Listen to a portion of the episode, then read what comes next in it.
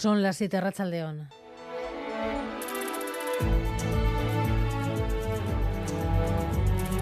Gambara con Arancha García.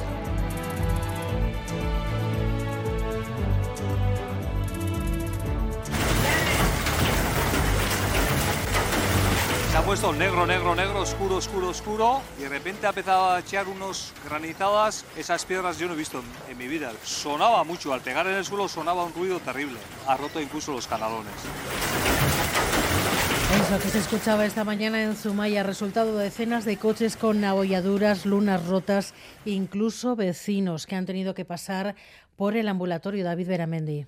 Sí, canalones agujereados, coches abollados, lunas rotas y lo peor, mucha gente que estaba en la calle con moratones. Incluso tres personas han tenido que ser atendidas en el ambulatorio. Este es el panorama que ha dejado la fuerte granizada en Zumaya a eso de las nueve y media de la mañana. Bolas del tamaño de pelotas de golf. Hay decenas de coches afectados. El ayuntamiento no descarta pedir la declaración de zona catastrófica. Por la mañana ha llovido mucho, incluso granizado, en zonas de Álava, Vizcaya y Guipúzcoa. La tarde está siendo más tranquila, aunque también con tormentas en el este de Guipúzcoa y norte de Navarra, también en Tierra Estella. En Gámbara hablamos en unos minutos con el director del Servicio de Cambio Climático Copérnicos, el programa de la Unión Europea que monitoriza la evolución medioambiental del planeta.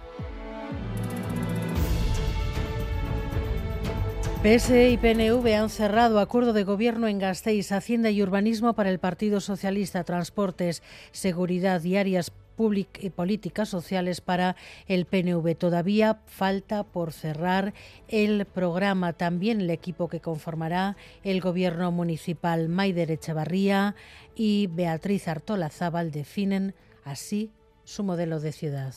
Desde Alcaldía se quiere dar la, la, importancia, es un paso adelante en la igualdad y en materia de justicia social. La política de igualdad va a estar muy presente y va a ser un eje prioritario dentro de este equipo de gobierno. Nuestra apuesta, la de este gobierno, es seguir eh, impulsando un transporte público sostenible, un transporte público eficaz que cohesione la ciudad, que conecte la ciudad. En Guipúzcoa la negociación avanza más lentamente, siguen sin acuerdo en Donostia y en Irún, a pesar del acuerdo global PNV-PSE, el socialista Santano ha optado de partida por un gobierno monocolor que tendrá que abrirse a pactos con otros.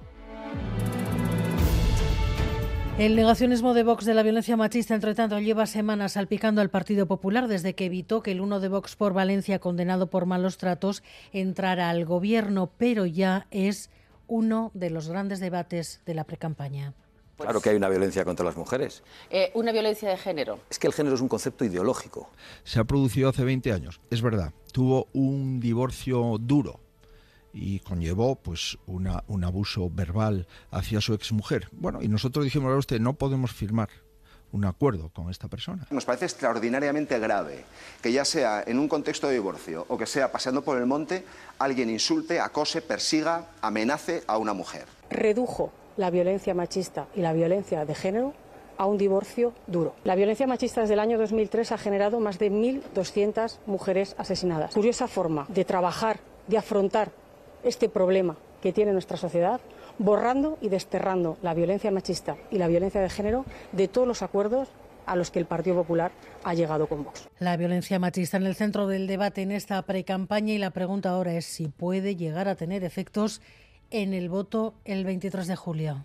Yo creo que sí, que puede movilizar a gente que igual, pues por temas puramente políticos, estaría dispuesta a que, bueno, que sea lo que sea y que este tema en concreto les haga movilizarse para intentar combatirlo. Yo creo que sí podría movilizar votos en contra en este caso, porque al final a una mujer es como esa opinión o decir que eso no existe es como que no estás valorando el miedo que realmente pasamos. Al fin y al cabo estás votando por algo que te puede pasar a ti y no va a pasar nada, es como si no tuvieses derechos, entre comillas.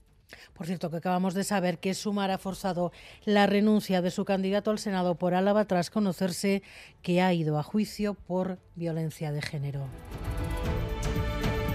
Sabadell y CaixaBank incómodos con la petición de la ministra de Economía para que comiencen a pagar más por los depósitos a sus clientes. Responden que las estrategias de los bancos las fijan los bancos José Ignacio Goyri Golzarri. Las decisiones de precios se tienen que establecer y definir en cada uno de los bancos. Las patronales nada tienen que decir y desde ese punto de vista serán los distintos bancos los que tengan que tomar las decisiones de acuerdo con la estrategia que cada uno tenga en cada momento. Y es una de las viejas reivindicaciones de las instituciones vascas conectar directamente con un único tren las ciudades de Donostia y Bayona. Podría estar cerca de hacerse realidad. El presidente de Renfe ha anunciado esta tarde su intención de conectar estas ciudades a partir de 2024. Sería una vez construido el denominado tercer hilo en territorio guipuzcoano aquellas conexiones que son más naturales, como son las transfronterizas. Vamos a estudiar a partir de ahora la entrada de Renfe en circuitos como Barcelona-Perpiñá y por el otro lado también estudiar uh, rutas entre País Vasco y la, y la novela Quitén, la Nueva Quitania, San Sebastián, Bayona y la idea sería a partir de 2024 realizar todos los trámites eh, necesarios.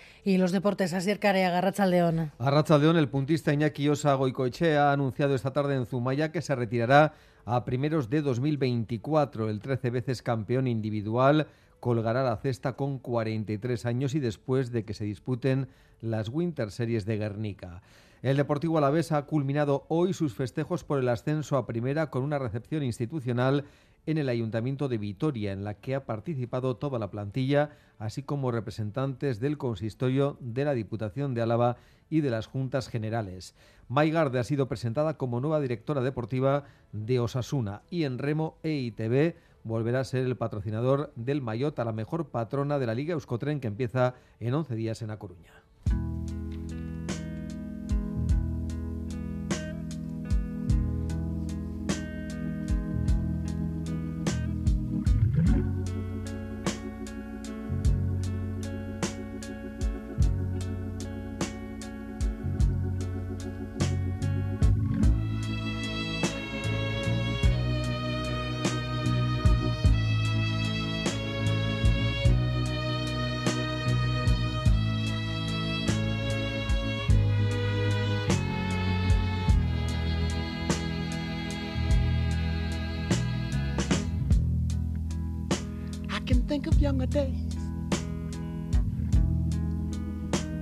Esta es la historia de Inmaculada. Trabajaba como teleoperadora en un call center en Madrid. La semana pasada murió tras sufrir un ataque al corazón. Murió casi en el acto. Sus compañeros siguieron trabajando durante horas hasta que el juez permitió que se llevaran el cuerpo. Xavier Madariaga. ¿Se imaginan a un compañero de oficina muerto de un infarto mientras ustedes siguen impasibles desempeñando su trabajo en las mesas contiguas? La escena parece de película de terror, pero ha ocurrido en Madrid, en un call center. En la multinacional española de call centers Conecta.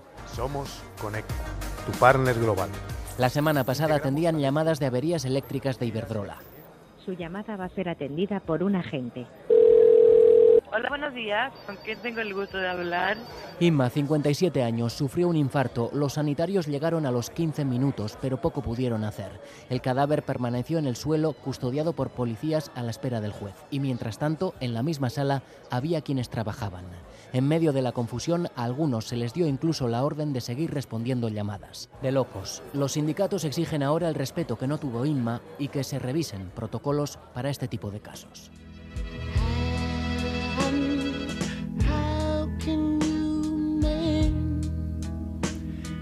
Miguel Ortiz y Alberto Subelia están en la dirección técnica, Cristina Vázquez en la producción.